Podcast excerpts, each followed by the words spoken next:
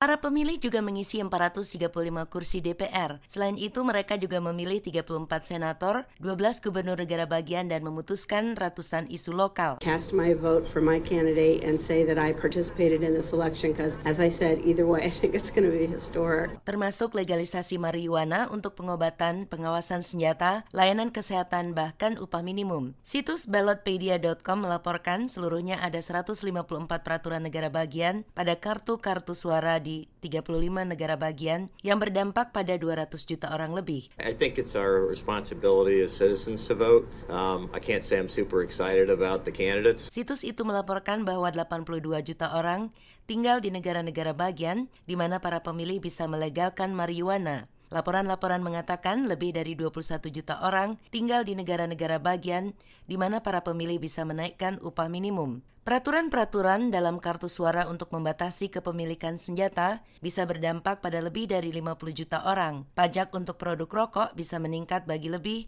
dari 50 juta orang. Di California, para pemilih akan menentukan apakah pemerintah negara bagian akan melarang tas-tas plastik yang digunakan oleh banyak toko. Mereka juga akan ditanya apakah pemerintah negara bagian harus mewajibkan laki-laki dalam film-film porno mengenakan kondom. Para pemilih di Maine akan memutuskan apakah mereka ingin negara bagian itu menciptakan sebuah sistem pemilihan yang mewajibkan pemilihan putaran tambahan sampai pemenang mendapat suara mayoritas. Situs Curb.com mengatakan para pemilih di 25 negara bagian diminta untuk menyetujui dana 200 miliar dolar untuk infrastruktur transportasi seperti perbaikan jalan. Politico.com melaporkan marijuana untuk pengobatan tidak lama lagi bisa dilegalkan di mayoritas negara bagian. Jumlah negara bagian yang melarang hukuman mati juga bisa mencapai 21, terbanyak dalam sejarah Amerika.